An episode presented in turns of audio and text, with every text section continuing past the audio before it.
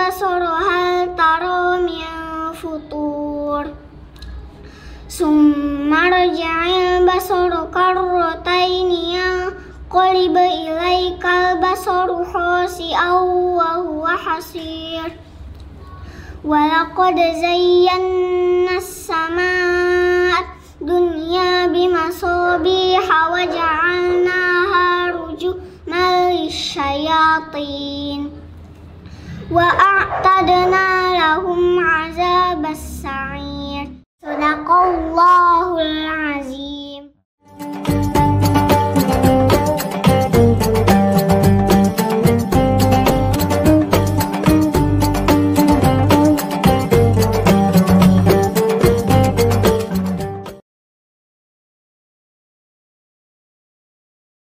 بسم الله الرحمن الرحيم السلام عليكم ورحمة الله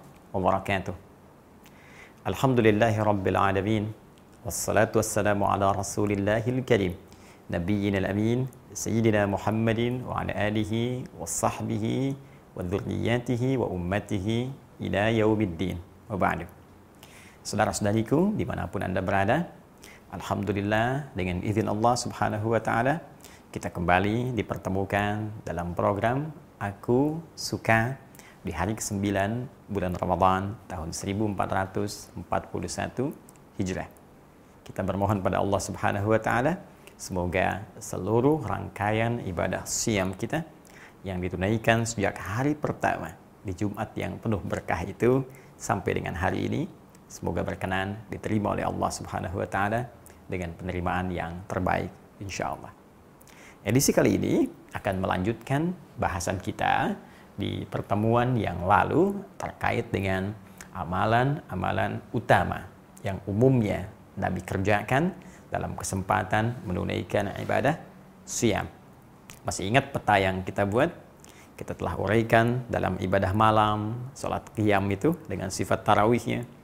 Kemudian selesai waktunya dijeda dengan sahar, dengan ibadah sahurnya lantas kemudian masuk ke fajar dan dimulailah penunaian ibadah siam itu sampai ke maghrib.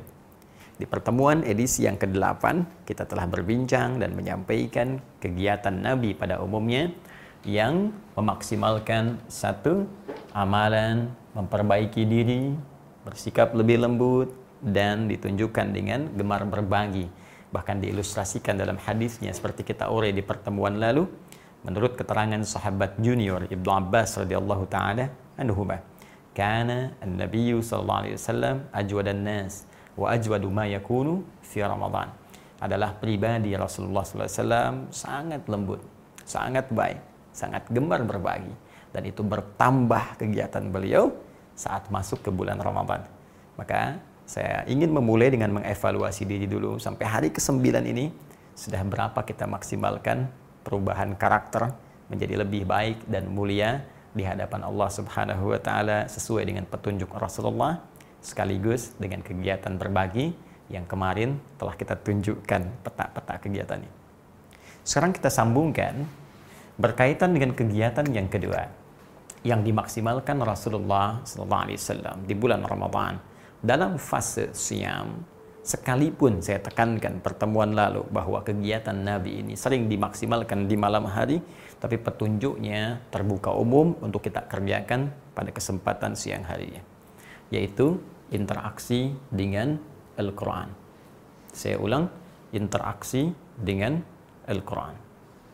Ada tiga jenis interaksi yang bisa kita maksimalkan dalam mengisi kegiatan siam kita dengan Al-Quranul Karim.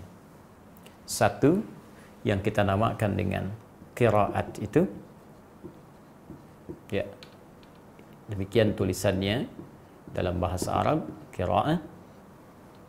Yang kedua, ada yang disebut dengan tilawah. Demikian kita tuliskan tilawatul Quran, tilawah. Dan yang ketiga, ada yang disebut dengan tahfidz. Tahfidz. Demikian kita bisa tuliskan dalam bahasa Arab.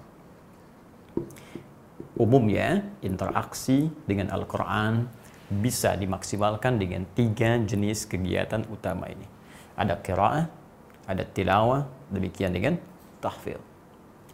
Baik, kita bermula pada bagian pertama, qiraah. Secara umum, saya mengambil keumuman maknanya, qiraah menunjuk pada interaksi dengan Al-Quran dalam aspek bacaan.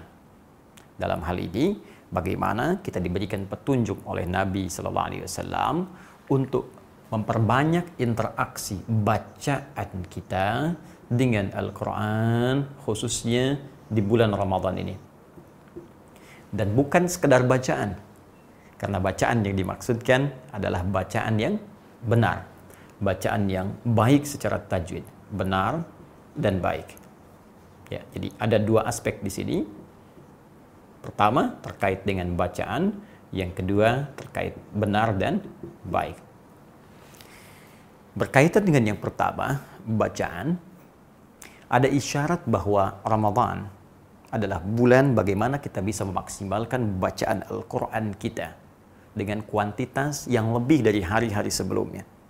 Bahkan nanti, saking pentingnya bacaan ini, para ulama-ulama besar bahkan berlomba-lomba berusaha memperbanyak bacaan Al-Qurannya sehingga dikenal mereka banyak khatam saat Ramadan. Masya Allah, saya ambil contoh Al-Imam Ash-Syafi'i.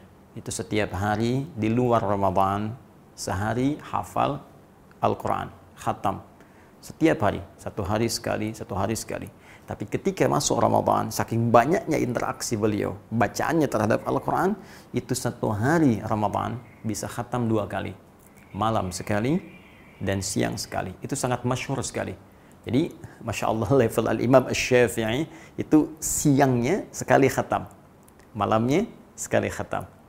Baik, jadi ini adalah sunnah yang berkelanjutan yang dituntun oleh Rasulullah SAW anda bayangkan, Nabi membaca Al-Quran saat Ramadan. Sahabat membaca Al-Quran. Tabi'in membaca Al-Quran. Generasi setelahnya bahkan memperbanyak, memperbanyak untuk mengikuti generasi sebelumnya. Jika orang-orang yang soleh saja membiasakan diri membaca Al-Quran, dan kita sampai hari ke-9 ini belum sempat bahkan bersentuhan dengan Al-Quran, maka ada sesuatu yang belum sempurna dalam puasa kita. Saya katakan di pertemuan yang lalu teman-teman sekalian bahwa Ramadan bahkan dipopulerkan oleh para ulama dengan bulan Al-Quran. Ya, merujuk pada keterangan Allah Subhanahu wa taala di Quran surah ke-2 Al-Baqarah ayat 185 itu. Ya, syahr Ramadan alladzi unzila fihi al-Quran bulan Ramadan, waktu kita menunaikan puasa itu adalah bulan diturunkannya Al-Quran. Bulan saat kita berinteraksi dengan Al-Quran. Paling minimal interaksi kita dibuka dengan bacaan. Ini poinnya. Bahkan perintah pertama Allah kepada Rasulullah SAW yang menandakan diangkatnya beliau ya menjadi Rasul, diangkatnya beliau Nabi dan Rasul. Yang paling menarik perintahnya dari kata qiraah, Iqra. Ya, Quran surah 96 ayat yang pertama itu. Iqra bismi rabbikal ladzi khalaq. Iqra bentuk fi'il amr, kata perintah dari akar kata qara'a yaqra'u qira'ah, berarti baca. Jadi sunnah pertama adalah bagaimana kita bisa memetakkan banyaknya, memperbanyak bacaan Al-Quran saat Ramadan. Berapa pahala yang bisa dihasilkan? Masya Allah. Saking tingginya ya motivasi ini menjadikan para ulama kita dulu mengejar bacaan ini. Bahkan dalam salat qiyam, saya pernah sampaikan kepada Anda dalam pembahasan rahasia tarawih, ya kenapa sampai Nabi Shallallahu alaihi wasallam diikuti sahabat-sahabatnya memperbanyak bacaan dalam qiyam itu sehingga mampu ya beliau berdiri dalam keadaan yang sangat panjang. Bahkan Umar bin Khattab setelahnya sahabat-sahabatnya Nabi sallallahu alaihi wasallam berusaha memperbanyak rakaat tapi mempertahankan demi mempertahankan panjangnya bacaan yang Nabi pernah bacakan dalam qiyamnya.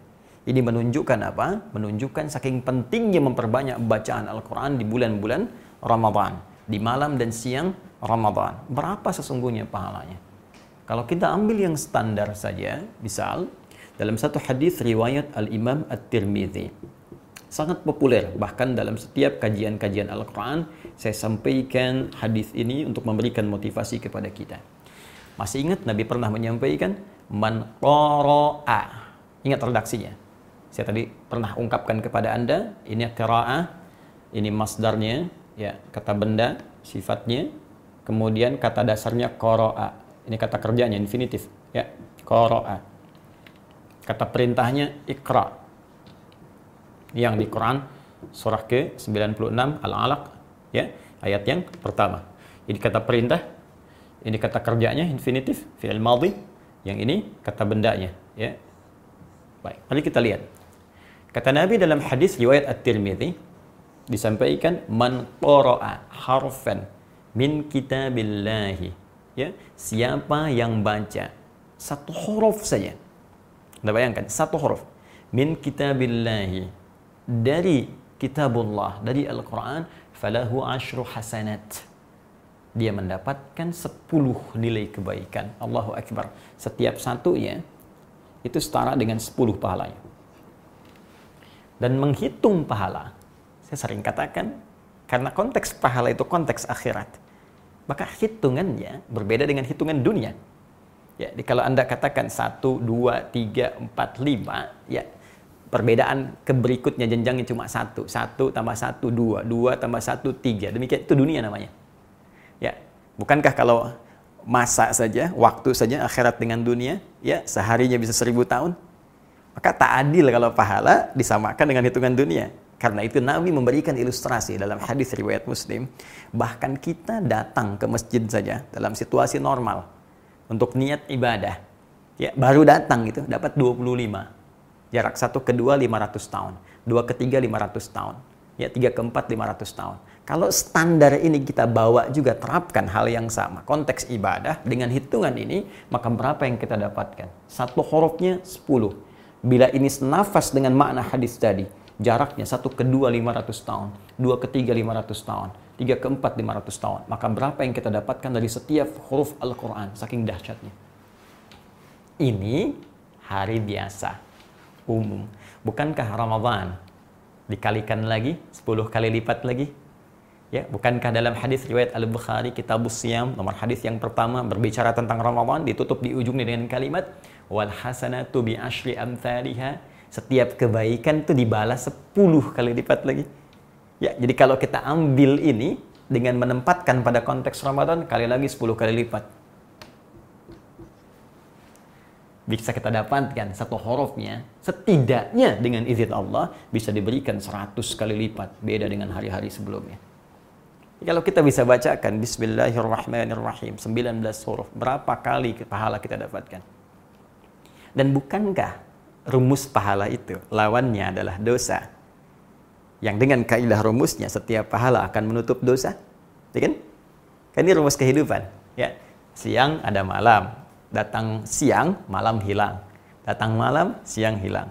Baik lawannya buruk, ada baik, buruknya hilang. Kata-kata kotor itu bisa dihilangkan dengan membiasakan diri berkata yang baik. Maka otomatis kata-kata kotor akan hilang. Pandangan pada yang buruk itu bisa dihilangkan dengan membiasakan diri memandang yang baik-baik maka yang buruk akan hilang. Maka demikian, jika Anda ingin menghilangkan dosa, maka biasakan cari amalan-amalan yang melahirkan pahala. Maka yang dosa akan hilang. Karena itulah dalam fikih nanti, rumus pahala itu, pahala, itu bisa menutup dosa. Ya. Jadi kalau kita ingin mudah menggugurkan dosa-dosa yang pernah kita lakukan, maka cari amalan pahala sebanyak-banyaknya tinggalkan dosanya, tutup yang sudah ada dengan banyak pahala-pahala. Cari amal-amal baik. Nah sekarang coba tanyakan pada diri kita. Mohon maaf, sampai dengan hari ke-9 ini, berapa dosa yang sudah dikoleksi dari sejak balik sampai saat ini? Berapa yang belum diampuni? Sudah berapa kali kita taubat? Setelah taubat itu apakah berulang kesalahannya? Atau pindah kesalahan yang lain? Sedangkan setannya kan tidak pernah lelah menggoda. Karena itu pantas. Ramadan disebut bulan yang melimpahkan ampunan. Karena setiap mengerjakan satu hal, pahalanya bisa berlipat. Dan setiap pahala yang berlipat itu bisa menggugurkan dosa-dosa. Setidaknya dosa-dosa kecil yang kita lakukan hilang, hilang, hilang, hilang, hilang. Dosa-dosa besar langsung dengan bertobat kepada Allah. Akui dosanya, tangisi, tinggalkan. Ini yang kecil-kecil seketika ditutup ini dengan pahala ini. Maka di sini ada panen yang sangat luar biasa. Ada peluang yang sangat dahsyat. Yuk tingkatkan bacaannya. Kecuali kalau Anda merasa ya sudah banyak pahala. Saya sudah baik. Nah biasanya kalau orang seperti itu, itu terjebak nanti ya pada triknya setan sehingga tak sadar dia berjalan seperti di jalan yang benar padahal keliru.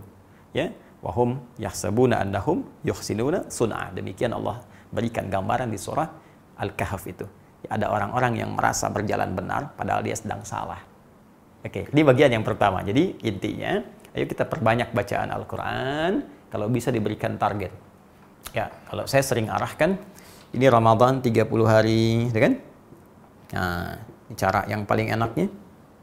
Anda targetkan 30 juz, ya. Ini kan standar ini, sangat standar karena Nabi saja memberikan yang paling standar. Nabi setiap Ramadan khatam 30 juz selesai Ramadan. Ya, di penghujung wafat nanti dua kali khatam. Di standarnya sekali, Nabi bisa khatam berkali-kali. Cuma memberikan yang paling standar supaya umat mudah mengikuti. Jadi kalau Nabi saja bisa khatam 30 juz selama Ramadan, masa kita yang bukan Nabi nggak baca? Ya. Nah, ini standar nih, standar. Jadi kalau eh, kita bisa biasakan baca, yuk kita turunkan supaya mudah. 30 hari, 30 juz untuk bacaan. Maka satu hari ya kita turunkan satu juz demikian ya. Nah, kan mudahnya seperti ini. Ya. Kemudian kalau satu hari satu juz masih kayaknya banyak gitu kan. Wah, satu juz banyak nih. Nah, teman-teman, turunkan lagi. Saya kan pernah berikan rumus kan? Satu juz itu ada 10 lembar kan? Ini 10 lembar. Satu juz ya sama dengan turunkan ke sini, ya naik ke sini 10 lembar. Nah, Supaya lebih mudah, gampang. Bagi waktu sholat. Waktu sholat ada lima waktu. Ini dibagi lima. Jadi setiap waktu sholat, sekali sholat, ya kan? Anda bisa bagi ke dalam satu lembar, dua lembar, maaf, dua lembar. Sekali sholat, sekali waktu sholat, dua lembar. Jadi, mohon maaf, sebelum subuh, kalau mau gampang lagi, satu lembar baca. Cuman baca kok, baca. Ya, Kemudian setelah subuh, satu lembar lagi. Sebelum zuhur, satu lembar. Setelah zuhur, satu lembar. Baca satu lembar itu berapa menit sih? Paling banyak lima menit, ya kan? Kemudian juga kalau dua lembar berarti kan 10 menit. Apa nggak punya waktu 10 menit untuk akhirat kita?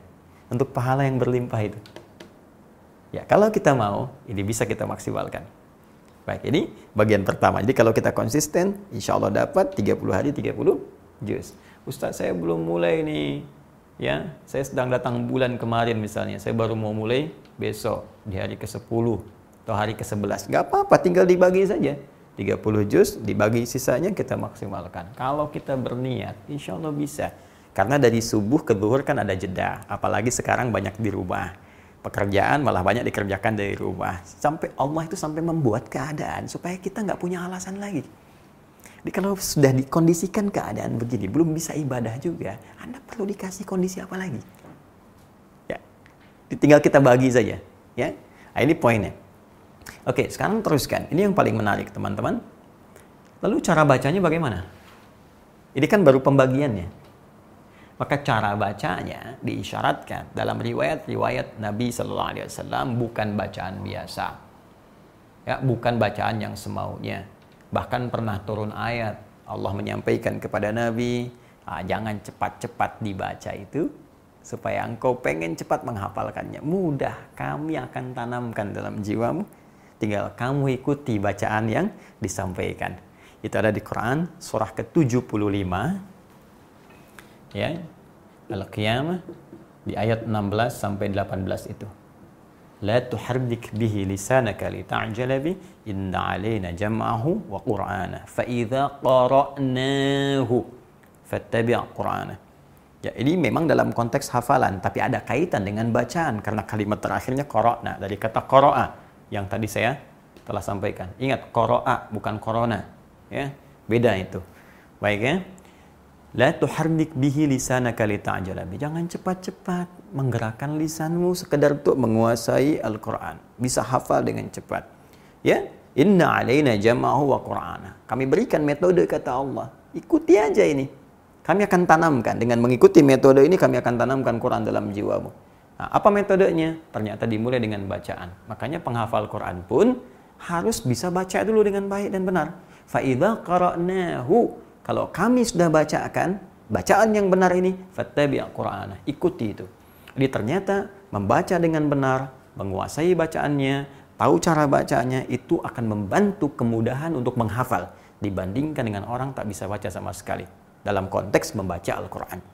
Nah, karena itu salah satunya teman-teman sekalian, isyarat yang disampaikan qara'na kami bacakan lewat malaikat Jibril dibacakan mustahil malaikat Jibril membacakan yang salah pasti dibacakan secara benar dan baik. Karena itu, sekalipun kita ingin punya target menghatamkan Al-Quran, saya pengen khatam dua kali Ramadan ini, pengen khatam tiga kali, pengen khatam empat kali, saya pengen khatam standar saja, yang penting sekali khatam. Tapi tetap dibacakan dengan cara yang baik dan benar, tidak asal baca. Ya, maaf kalau cepat seperti apa kadar cepatnya, kalau sedang seperti apa sedangnya, kalau lambat seperti apa lambatnya. Ini yang coba kita sempurnakan dulu sejenak. Ya, jadi ada tiga jenis nanti cara baca itu. Satu, ada bacaan yang lambat temponya dikenal dengan at-tahqiq ya. At-tahqiq ada bacaan yang sifatnya sedang ya tak terlampau lambat tak juga terlampau cepat itu dikenal dengan at-tadwir ya pertengahan. Kemudian yang ketiga ada bacaan yang relatif cepat tapi masih sesuai dengan kaidah. Disebut dengan hadar, al-hadar. Semua bacaan ini baik lambat, sedang ataupun cepat mengacu pada hukum benar dan baik. Benar dan baik secara singkat itu disebut dengan tajwid namanya. Ya, tajwid. Jawwada yujawwidu tajwidan. Jaudah bagus benar. Ya, di kitab uh, Hidayatul Mustafid fi ilmi tajwid yang paling standar saja didefinisikan at-tajwidu lughatan al-ityanu bil jayyid. Tajwid itu mendatangkan sesuatu dengan benar, dengan bagus. Ya wastilahan ilmun yu'rafu bihi haqqahu wa mustahaqqahu min as-sifati wal mududi wa ghairi dhalika kat tarqiqi wa tafhimi wa nahwihima. Ya, jadi membaca dengan benar, dengan bagus sesuai hukum-hukumnya, panjangnya, pendeknya, tipisnya, tebalnya dan seterusnya. Jadi kita pelajari ini, nanti kalau sudah paham cara bacanya, bagaimana bacanya bagus, silahkan pilih tahqiq. Ya, baca lambat misalnya. Ya, ini kalau saya ilustrasikan paling gampang ya eh, panjangnya madnya ambil yang misalnya 6 harokat yang paling panjang ya kita contohkan misalnya di eh, mad arid bis sukun di al-fatihah misalnya kan Bismillahirrahmanirrahim. Alhamdulillahi rabbil alamin. Ya, saya suka mengistilahkan dengan detik. Jadi kalau dua harakat satu detik, tek. Dua harakat satu detik. Empat harakat dua detik, tek, tek. Ya kan? Enam harakat tiga detik, tek, tek, tek. Bismillahirrahmanirrahim. Ya, alhamdulillahi rabbil alamin. Ya. Nah, itu tahqiq. Kalau kita ingin jadikan misalnya pertengahan, ya ambil yang tengah-tengah di antara enam, ya selang keempat, selang kedua. Jadi stepnya dua-dua, ya dua, empat, enam. Maka ambil yang empat harakat, dua detik. Bismillahirrahmanirrahim. Alhamdulillahi rabbil alamin. Ar-Rahmanir Rahim. Ya. Kalau kita ingin cepat, pakai yang hadar misalnya. Hadar satu detik. Satu detik kita gunakan dengan dua harakat. Bismillahirrahmanirrahim. Alhamdulillahi Rabbil Alamin. Ar-Rahmanir Rahim. Maliki Yaumiddin. Ah. Kalau wakaf, kalau ingin sambung, boleh. Satukan. Ya, harakatnya bunyi di akhir. Bismillahirrahmanirrahim. Alhamdulillahi rabbil alamin. Ya. Bismillahirrahmanirrahim. Mi, bunyi kalau nyambung. Ya, Bismillahirrahmanirrahim. Alhamdulillahi rabbil alamin. Arrahmanirrahim. Maliki yaumiddin. Nah, biasanya ini kalau berjamaah dipakai tarawih, dia lebih diutamakan karena tak terasa, ya. Tetap sesuai tajwid, bacaan bagus, benar, ayatnya dapat banyak. Ya, daripada panjang-panjang cuman satu ayat. Ghairil maghdubi alaihim waladdallin. Amin. Yasin. Allahu Akbar. itu wow udah pakai ah, macam-macam kan uh, tahqiq dari awal Fatihah sampai ke situ cuma satu ayat tidak. Kita bisa gunakan, silahkan, nggak ada masalah tiga-tiganya ini semua tartil, semua tartil, ya terukur, bagus, benar. Cuma patokan tajwid itu digunakan. Jadi ini bagian yang pertama, kiraah berusaha memperbanyak bacaan Al-Quran, memberikan target ke depan sampai akhir Ramadan. Berapa kali kita ingin khatam, silakan dan silakan pilih formulasi yang memudahkan kita untuk membacanya. Oke? Tapi ingat, kalaupun pilih yang ini, tetap harus terukur dengan tajwid. Jangan sampai bacaan yang tidak terukur. Nah, selesai. Satu juz. Nah, itu uh, ukurannya menurut kami agak kurang baik. Ya. Oke.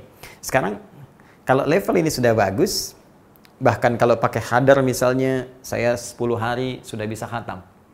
Nah, alangkah baiknya kalau Anda bisa bagi hari berikutnya pindah kepada step yang kedua yaitu tila tilawah. Dan ini pahalanya tidak kalah banyak bahkan bisa melebihi yang pertama. Nah, karena katanya beda, ini kiraat, ini tilawah, pasti maknanya pun tidak sama. Dan caranya pun bisa berbeda. Seperti apa caranya?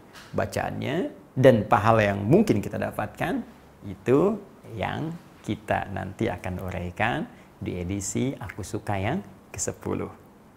Baik, sebelum kita akhiri, saya hanya ingin berikan motivasi. Jika Anda saksikan, dalam setiap awal Aku Suka ini ada anak yang mengaji.